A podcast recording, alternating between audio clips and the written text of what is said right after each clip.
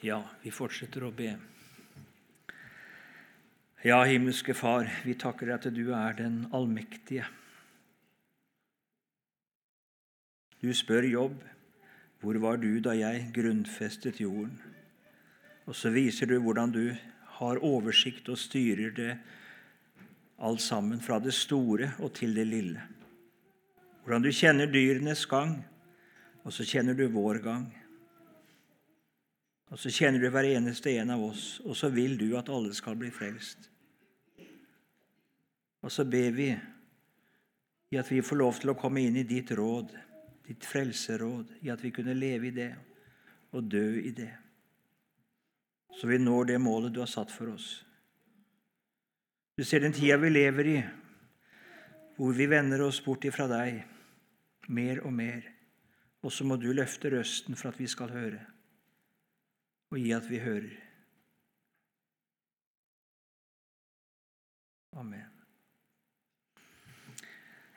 Gud, historiens herre, i åpenbaringen 1,8 så sier Gud til apostelen Johannes.: Jeg er alfa og omega, sier Gud Herren, Han som er, og som var, og som kommer, den allmektige.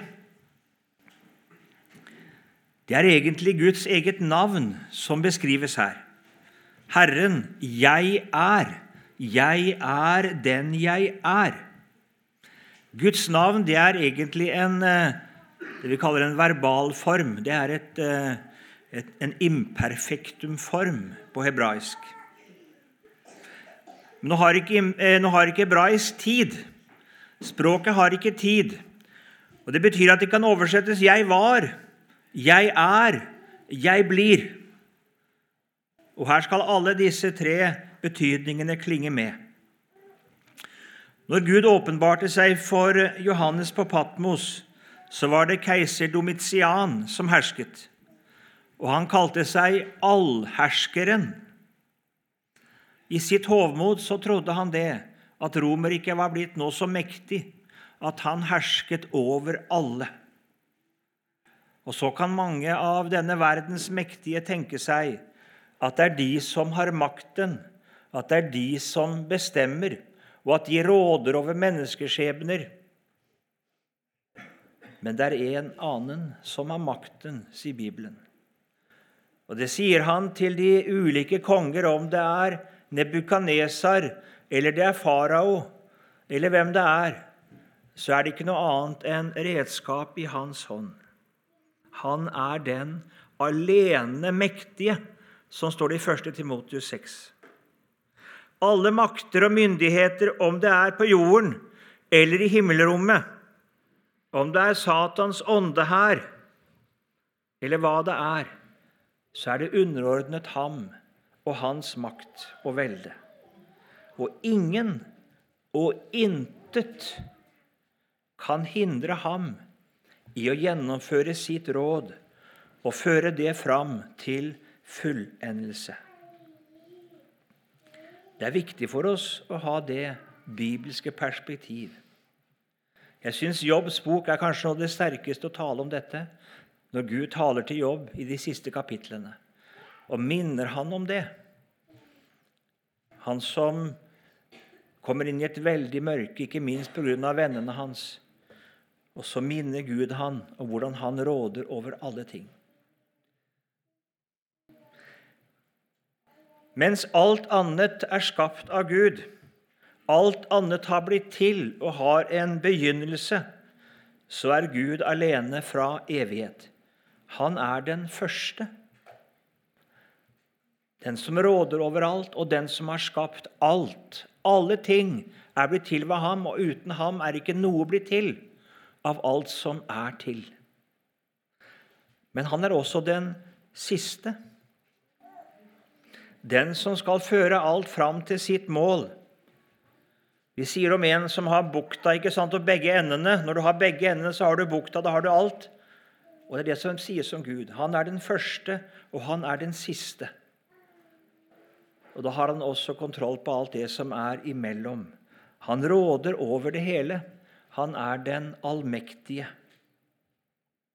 Det var han, og det er han, og det vil han for alltid forbli.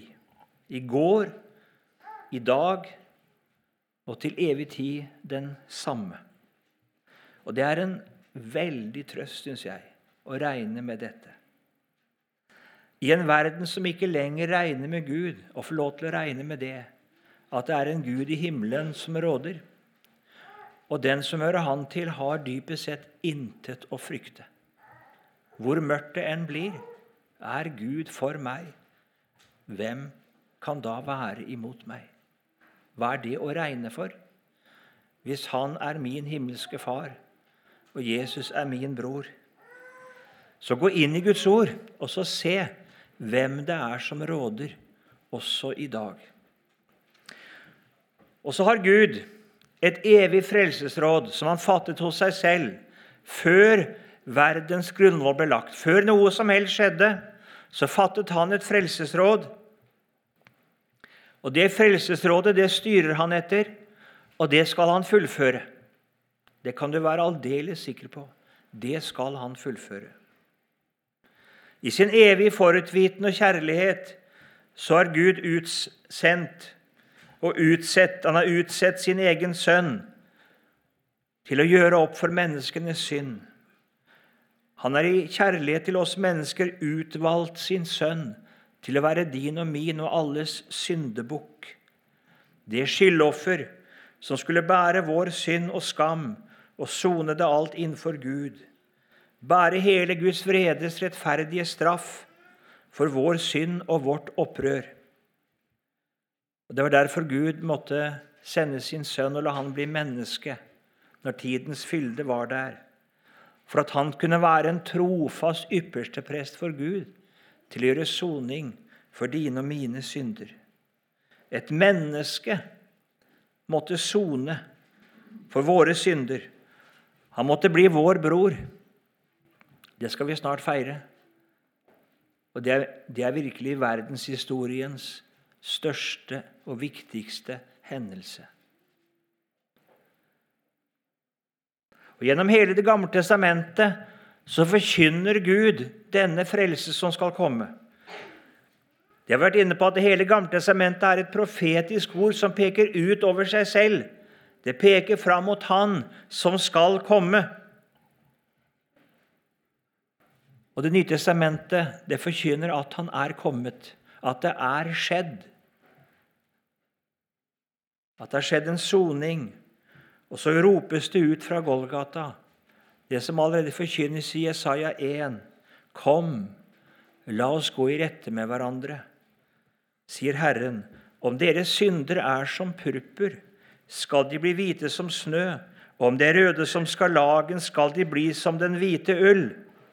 Én vi har hørt også det tidligere denne uka, én tok på seg alt det som Adam gjorde.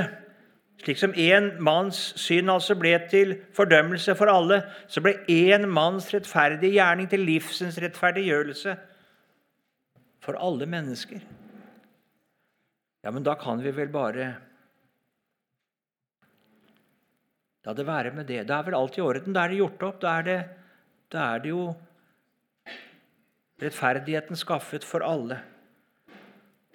Er det slik? Noen tenker sånn. At da er verden rettferdiggjort, og så er det i orden. Og så kan vi egentlig bare si til mennesker at de er frelst. Og det er den store tanke i dag at eh, alle til slutt de blir nok frelst. Nei. Det er et dobbelt fiendskap mellom Gud og mennesker. Det første fiendskapet, synden som gjorde skilsmisse mellom deg og Gud, det ble tatt bort da Guds sønn gjorde fred ved sitt blod på korset. Og så kan Gud si, 'Kom'. Og så har han en åpen favn for hver forvillet synder. Ja, Det må vi aldri ta bort. Gud gjorde fred ved Jesu blod på korset. Gud er en forsonet Gud. Himmelen er nå åpen for alle. For alle. Jesus døde for alle. Er én død, så har de alle dødd. Han levde sitt liv for alle.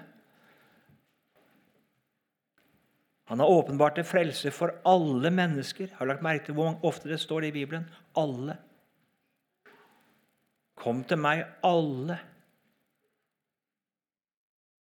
som strever og har tungt å bære, og jeg vil gi dere hvile. Alle.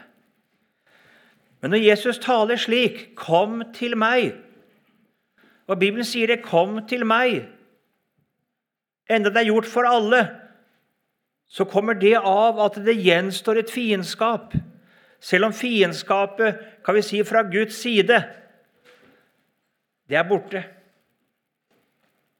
Og Gud står der og sier 'kom', så gjenstår det et fiendskap i menneskehjertet. Det ble ikke tatt bort på korset. Derfor sender Gud sin ånd på pinsedag. Derfor sender han sin ånd for at dette frelsesbudskapet skal få rom i ditt og mitt hjerte. For du og jeg er fiender av Gud. Og det fiendskapet, det har ikke opphørt ved det som Jesus gjorde. Og nå er Guds kjærlighetsvesen slik at Gud ikke tvinger noen inn i sitt samfunn. Det er kjærlighetens vesen. Den tvinger ikke. Den kaller. Den innbyr. Den drar. Det gjør den. Men den tvinger ikke. Og så viser Gud mennesket hva det vil si å være utenfor hans samfunn, hva det er å stille seg utenfor hans frelse. Han forskrekker og han advarer på alle mulige vis. Han taler innbydende og kjærlig om hvor godt det er å være hans. Men han tvinger ingen. Og så er mennesket og du og jeg med. Vi er så ødelagt av synden at vi egentlig ikke vil ha noe med Gud å gjøre. Vi er som Adam, som skjuler seg for Gud og tenker det at de har det best borte fra Gud om han aldri får se meg.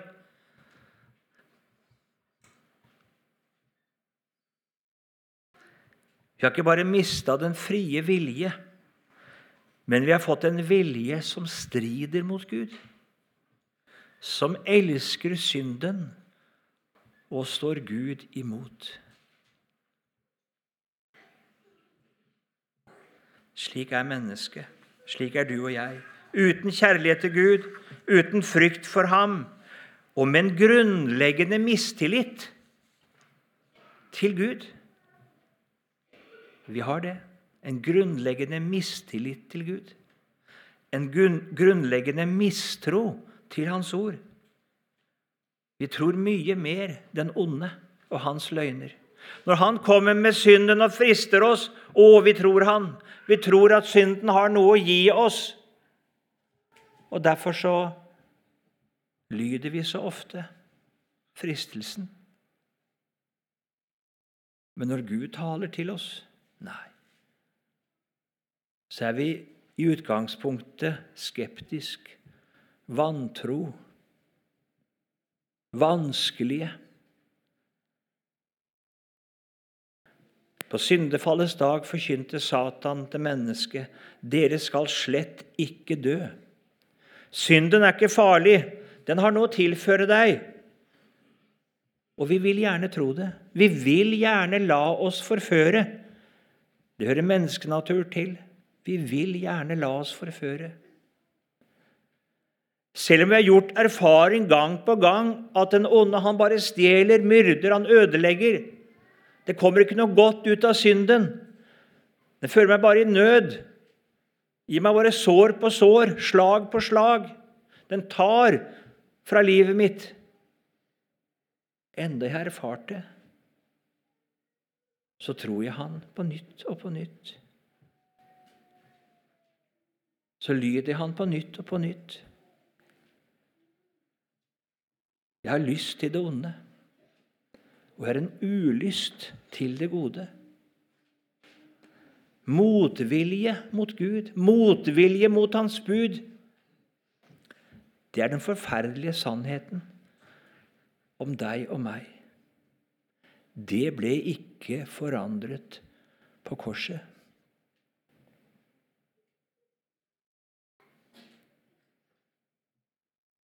Det vi ser så sterkt i vår tid,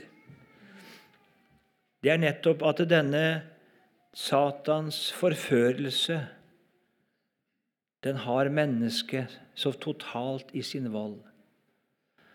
Mennesket burde jo se Du og jeg burde jo se hva synden gjør med menneskene, hva den gjør med samfunnet, hva den gjør med hjemmene, hva den gjør med kjærligheten mellom menneskene. Men menneskene tror at mer av det samme, så skal det bli godt. Vi er midt inne i det Bibelen kaller for frafallet. Lovløshetens hemmelighet, den er i full virksomhet. Så kunne vel Gud brukt sin allmakt, den allmektige, kunne ikke han brukt sin allmakt til å tvinge menneskene til lydighet, til underkastelse, kunne han ikke det? Jo, han har makten til det, men han gjør det ikke. Gud er ikke slik.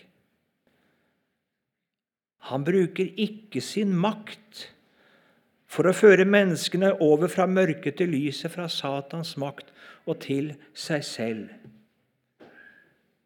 Calvin han tenker mer i disse baner. Han tenker at når Gud frelser, så er det gjennom sin allmakt han frelser. At han fra himmelen griper inn i enkeltmenneskers liv, og så gjør han de til sine, som ved et lynnedslag. Jeg har nesten av og til lyst til å tenke nesten som en voldtekt, så vinner han dem, menneskene for seg. Nei. Hele Skriften sier nei. Han gjør ikke det. Og Så velger han noen, ikke sant? så forkaster han de andre. Og så er det hans allmakt det står på. Og så er det noen som har den lykke at han har valgt dem, og det andre den fortvilelse at han valgte ikke dem. Og Når det består på hans allmakt, så gjennomfører han jo det, akkurat som han vil. Og så var det en som ikke kunne være med på det. Han het Arminius. Nei, sier han, det er ikke det. sier han, Det er mennesket selv, gjennom sin vilje, som velger. Og så har Gud overlatt det til mennesket å velge. Og så kaller han vel, men det er mennesket som sitter med nøkkelen og avgjør om det skal bli frelst eller ikke. Det fortvilte er at ikke noen av oss har en slik vilje. Vi er for ødelagt av synden. Og Derfor sier Bibelen at Gud han bruker sin helt, egne, sin helt egen pedagogikk. Ja, Bibelen bruker det ordet pedagogikk om frelsen. Og Gjennom denne sin pedagogikk så søker han å vende menneskene til seg slik at de i tro og kjærlighet vil høre han til. Og Så kaller Bibelen det for Guds dårskap og Guds svakhet. For her bruker han ikke allmakt. Det er ikke den som er rådende i pedagogikken. Det har det vært mye i pedagogikken på skolen. Så har det vært mye pisk, ikke sant? og det har vært fram med fingrene, og så har det vært sånn. og Nei, det er en annen. Han snakker om toktemester. han gjør det. Det er der det står pedagog. Men det er kjærligheten som er det sentrale i Guds pedagogikk. Og Vi skal se litt på denne Guds pedagogikk. Den er ikke uten tukt. Det er den ikke. Den er ikke uten eh, harde midler. Det er den ikke. Ikke misforstå. Om det er kjærligheten som er det sentrale.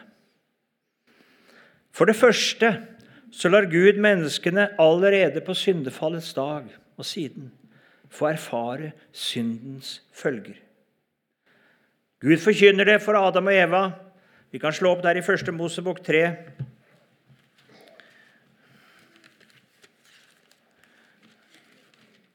Og fra vers 16 Til kvinnen sa han, Jeg vil gjøre din møye stor i ditt svangerskap. Med smerte skal du føde dine barn. Til din mann skal din attrå stå, og han skal råde over deg. Og til Adam sa han, fordi du lød din hustrus røst og åt av treet som jeg forbød deg å ete av, skal jorden være forbannet for din skyld.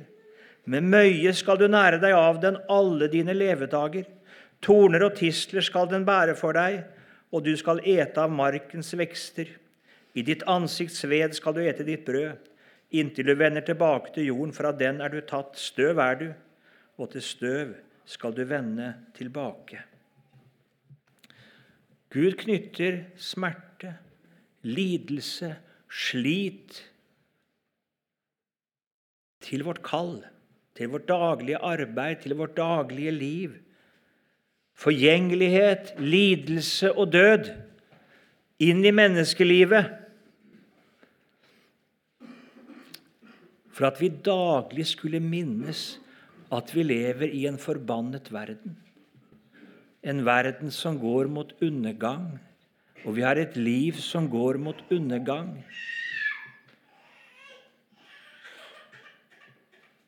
Skal minne oss om det, at det er noe som har kommet i ulage at vi står under Guds forbannelse og vi trenger å bli frelst. Det ville Gud gjennom de vilkår menneskelivet leves under. Naturen vitner fortsatt om Guds storhet og allmakt. Når du ser ut på naturen, så ser du fortsatt det formålstjenlige i alle ting. Det skjønne, det er der fortsatt. Det vitner om Han som har skapt, om Hans storhet. Det gjør det. Men samtidig så er det som om alt er i ulage. Ikke bare er det kommet ugras og alle slags sykdommer på planter og vekster, men dyre- og menneskelivet er preget av sykdom, lidelse, strev, forgjengelighet, skrik. Og så går det alltid mot døden. Det går alltid mot døden. Og det er våre generelle livsvilkår siden syndefallet et pedagogisk virkemiddel fra Gud i himmelen. Dypest sett er det Guds lov som er virksom. Guds dom. Den dag du eter av det, skal du dø. Det er dette lovens ord som er virksomt. Dypest sett så er det Guds lov som er virksomt. Det er hans domsord som utfolder seg og så gjør mennesket alt det kan for å bekjempe alle disse plagene. Det er noen bønder her. Jeg tror de kjemper mye med ugraset. Og det tar aldri slutt. Det tar aldri slutt. En kjemper og en kjemper og en kjemper. En søker å få bukt med sykdom. Forlenge livet med alle mulige slags behandlinger og medisiner. Og så får man kanskje et foreløpig framskritt på et område, og så er det snart tilbakeslag. Og så er det nye ting. Og så går det mot døden. Men dette er ikke det eneste pedagogiske virkemiddel Gud bruker. Han lar også sitt nådeord være virksomt i slekten. Han straffer ikke bare synden, men han viser menneskene fra Adam og Eva av hver eneste dag så viser han menneskene sin godhet og sin nåde. Vi ser det ikke minst ved syndfloden og den pakt som Gud inngår med Noah da etter syndfloden. Den som regnbuen er et tegn på. Vi har et skriftord for det, som jeg tror regnbuen er et tegn på. Gud lar sin sol gå opp over onde og gode. Han lar det regne over rettferdige og urettferdige. Du og jeg har fått stå opp i dag. Vi får leve. Vi opplever at sola går opp over oss. over alle mennesker på denne jord. Hvordan vi enn er, hva vi enn har gjort. Gud lar det regne. Vokse og gro til glede for alle mennesker. Gjennom dette vitner Gud om sin nådige hensikt, sitt nådige hjertelag mot en ond og forvent slekt. At han vil den vel. At han oppholder livet også hos sine fiender. Vi undrer oss sikkert over det. Hvorfor fjerner han ikke en Hvorfor fjernet han ikke en Stalin og en Hitler? Hvorfor fjerner han ikke Putin? Hvorfor gjør han ikke det? Ja, åssen ville det vært med deg hvis han skulle ta bort de onde fra jorden? Nei, han lar sin sol gå opp også over dem. For så langt strekker Guds nåde seg. Den strekker seg til alle. Han vil at alle skal bli frelst. Vi er ganske sånn selektive, vi. Vi synes de der, men de der kunne Gud godt fjernet. Nei, sånn er ikke Gud. Det vitner regnbuen om. Og så misbrukes den til å tenke det at Gud ikke bryr seg om synden. Nei, det er ikke det. At vi kan bare leve som vi vil. Nei, det er ikke det han vil si. Men han vil si til den onde, forvente slekt at han vil at den skal bli frelst. Han vil av sin godhet drive dem til omvendelse. Det er det han vil. Syndens følger i menneskelivet, i naturen, skulle få mennesket til å erfare at det er under Guds dom, at det går mot døden og trenger å bli frelst. Guds oppholdelse av skaperverket, av menneskelivet tross synd og ugudelighet det skulle gi mennesket en viss erkjennelse av hans godhet, hans barmhjertighet med den syndige slekt. Men så er du og jeg så formørket, og så er menneskene så formørket i sin erkjennelse. At når de opplever det som er ondt og vanskelig, ja, da kan de gjerne gi Gud skylden. Men når det går godt, ja, hvem er det som får rosen da? Jo, det er jo vår økonomiske politikk eller vårt helsevesen eller hva det er. Da er det vi som har vært så flinke. ikke sant? Det roser vi gjerne oss av oss selv. Og så snur vi det på hodet. Istedenfor å bære skylden og ta ansvaret for sykdommen og elendigheten og lidelsen, så skylder vi på Gud der. Men det gjelder all den godhet, alt det vi får oppleve som er godt, da vil vi gjerne ta rosen istedenfor å takke Gud.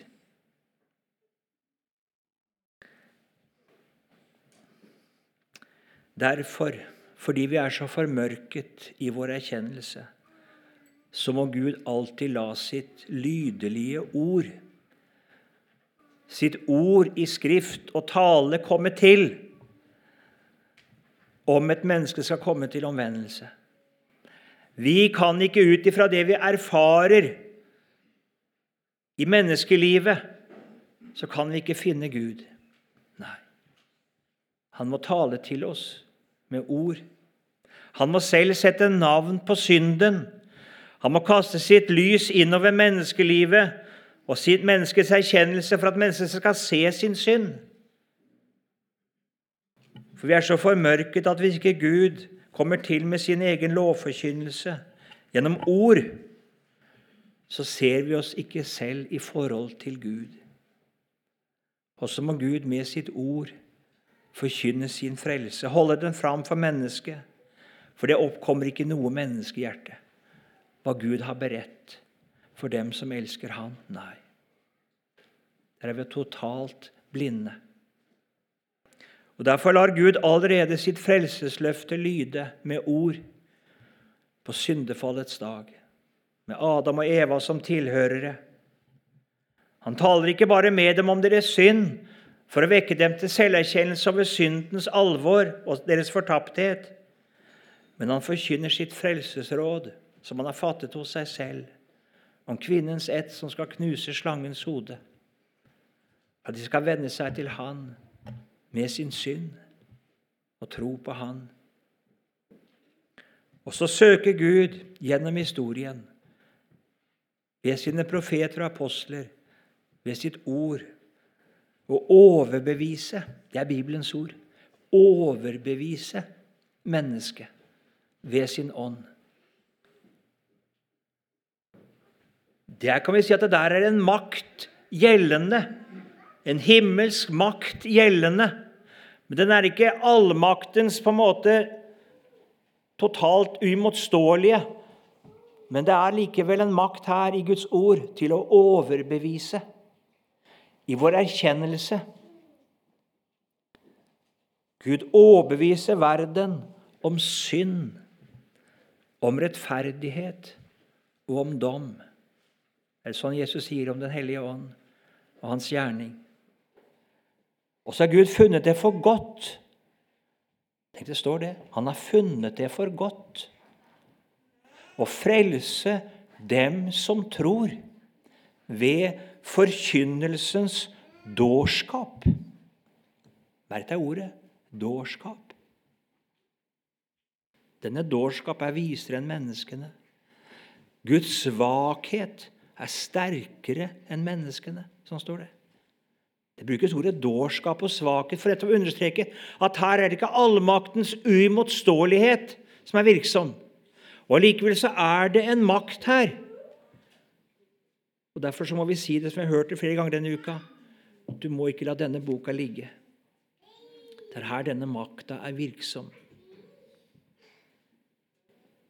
Det er denne boka her som er en Guds kraft til frelse. Den er sterkere enn alle menneskelige overtalende ord. Det er snakk om overbevise. Jeg har ingen tro på apologetikk. Denne trosforsvaret med, med mennesketanker og bevis. Nei. Men jeg tror at dette ordet her kan overbevise et menneske om synd. Kan gjøre vis til frelse ved trua på Kristus Jesus. Sånn har Gud funnet det for godt for å holde dom over alt menneskelig stort og stolt. Så ikke engang dåren behøver å fare vill. Sånn er det Gud har funnet det for godt. Det er det egentlige pedagogiske middel. Vi kan slå opp i Romerbrevet 10. For kommer ikke dette ordet til, så kan ingen bli frelst. Romerbrevet 10 og vers 14. Men hvordan kan de påkalle en som de ikke er kommet til tro på? Altså hver den som påkaller Herrens navn, han skal bli frelst. Men hvordan kan de det uten å komme til tro på ham? Og hvordan kan de tro på en som de ikke har hørt om? Og hvordan kan de høre uten at det er noen som forkynner? Og Så kommer konklusjonen i vers 17. Så kommer da troen av forkynnelsen som en hører. Og forkynnelsen som en hører, kommer ved Kristi ord.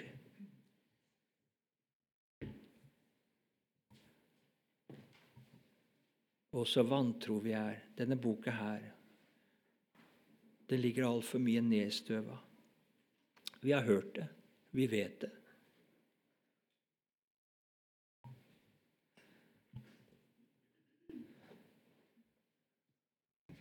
Men vi hører det så lite. Og vi lever i en tid Vi har hatt en tid i vårt folk, og vi har dansker og svensker og finner her. Og Hvis vi går tilbake 150 år, så fikk dette ordet det fikk gjennomslagskraft. Ikke gjennomslagskraft, men fikk, den kraften det har, fikk gjennomslag i alle våre land. Det ble lesere som leste seg til frelse som leste seg til syndere og leste seg glade ved evangeliet. Og hvilken forandring det ble. Men nå har vi vendt oss bort ifra det. Ikke bare folket, men kristenfolket. Jeg tror vi må si det. Jeg skal ikke spørre hver enkelt av dere.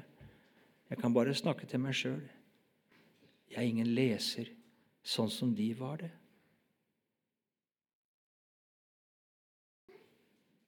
Og så mister dette ordet sin innflytelse i livet våre. Da må frafallet komme. Da overtar mennesketanken, dette formørkede menneskesinnet. Da overtar menneskeviljen, denne som trosser Gud og står han imot.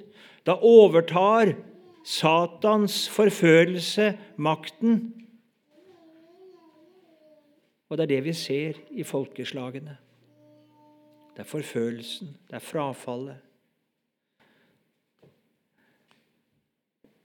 Men da sier vår bibel at Gud griper til enda sterkere midler. I sin pedagogikk. I åpenbaringsboken så lignes det med basuner. Sterkt tonende instrumenter som skulle ringe i menneskenes ører og vekke dem når de ikke vil høre Hans ord. Da løfter Gud røsten. Menneskene erfarer vel syndens følger i sitt hverdagsliv. De hører vel hva Gud sier i sitt ord, men det tas ikke alvorlig. Gud bærer i sin langmodighet over med menneskenes synd. Han griper ikke umiddelbart inn når noen står hans ord og bud imot. Og så tenker mennesket det i sin forblindelse. Gud ser ikke. Han bryr seg ikke. Nei, det er ikke noe i dette ordet likevel kan slå opp i Salme 10. Hvordan mennesket tenker. Og sånn tenker de i dag. I vers 2.: Den ugudeliges overmot forfølger de elendige, men de blir selv fanget i de onde råd de er uttenkt. For den ugudelige roser seg av sin sjels onde lyst. Han velsigner den griske og ringakter Herren. Den ugudelige sier med hovmodig mine, han hjemsøker ikke. Det er ingen plass for Gud i alle hans planer. Han har lykke med seg på alle sine veier. Dine dommer er i det høye, ute av syne for ham. Han håner alle sine motstandere. Han sier i sitt hjerte, 'Jeg skal ikke rokkes'. Gjennom alle slekter skal jeg være fri for nød. Hans munn er full av forbannelse, av løgn og trusler. Under hans tunge er ulykke og ondskap. Han ligger i bakhold ved gårdene, i hemmelighet myrder han den uskyldige. Hans øyne speider etter den ulykkelige. Han ligger på lur på sitt hjemmested, like som løven i sitt skjul. Han lurer for å gripe den elendige. Han fanger den elendige og drar ham inn i sitt garn. Han bøyer seg, dukker seg ned, og for hans sterke klør faller de vergeløse. I sitt hjerte sier han, Gud har glemt. Han har skjult sitt ansikt og ser det aldri. Det er egentlig bare en variant av det. Dere skal slett ikke dø. Nei, dere skal slett ikke dø. Det er ikke farlig. Det kommer ingen dom. Synden er ikke synd. Nei, du har noe du kan få. Den har noe å gi.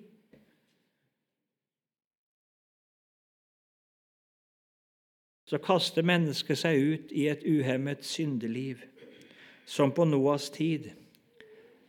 Gud reiste opp Enok da. Han talte, han advarte, han kalte til omvendelse. Men det var ingen som hørte. Forherdelsen bare tiltok. Da griper Gud inn, som nevnt, på en sterkere måte. Først gjennom basuner. Det er veldige domskatastrofer. Og likevel svakt i forhold til det enda mer alvorlige, det Bibelen kaller vredeskåler. Kom tilbake til det. De straffedommene som lignes med basuner, de skal i første rekke vekke et sovende folk til erkjennelse, virke til omvendelse. Det som kalles vredeskåler, er av strengere art. Det er straffedommer over et folk som ikke kan føres til omvendelse. Da er det bare dom. Det var en sånn straffedom som kom over verden i vannflommen. Da var det ingen omvendelse. Da var det bare dom. Sammen med Sodoma og Gomorra. Da var det bare dom. Det var ikke noe som kunne berges. Gjennom slike domshandlinger renser Gud verden og menneskeslekten vredeskål. Da renser han Gud som fra en kreftsvulst. Du kan ikke helbrede en kreftsvulst. Du må få den bort. Du må skjære den vekk. Har det gått koldbrann i beinet ditt, så må du bare kappe det av. Det står ikke til å berge. Sånn gjør Gud med menneskeslekten. Fordi han vil berge den. På Noas tid så var det bare åtte igjen. Resten ble skåret bort. Ved Sodoma og Gomorra så var det bare å skjære bort. Kanans innbyggere var bare å skjære dem bort så ikke hele slekten skulle gå under. Så ikke Israels folk, når de kom inn i Kanans land, skulle smittes av urenheten. Så måtte de skjære det bort. Mennesker syns det er forferdelig, men vi skjønner det med sykdom. Vi skjønner det at en må amputere beinet. Det er jo fryktelig. Men skal du berge legemet, så må du det.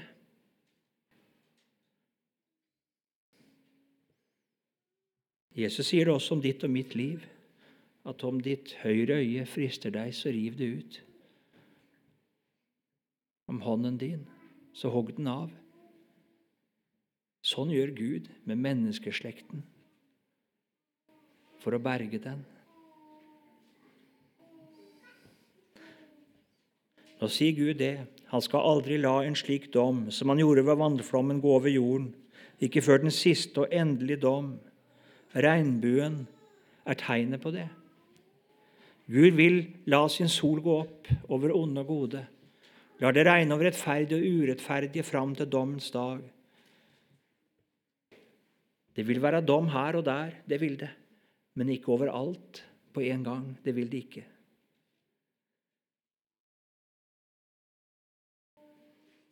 Og Så du om dette i Gammeltestamentet. Hvis du leser nøye, så ser du det. Gud lar sitt dommens ris gå over et frafallent folk. Han kaller til omvendelse. Han renser. Han dømmer, lutrer og renser sitt folk for å berge en rest for sitt rike. Og Gud har ikke forandret seg. Han handler på samme måte i dag. Vi skal se mer på det, men nå må vi ta en pause. Vi fortsetter i neste time.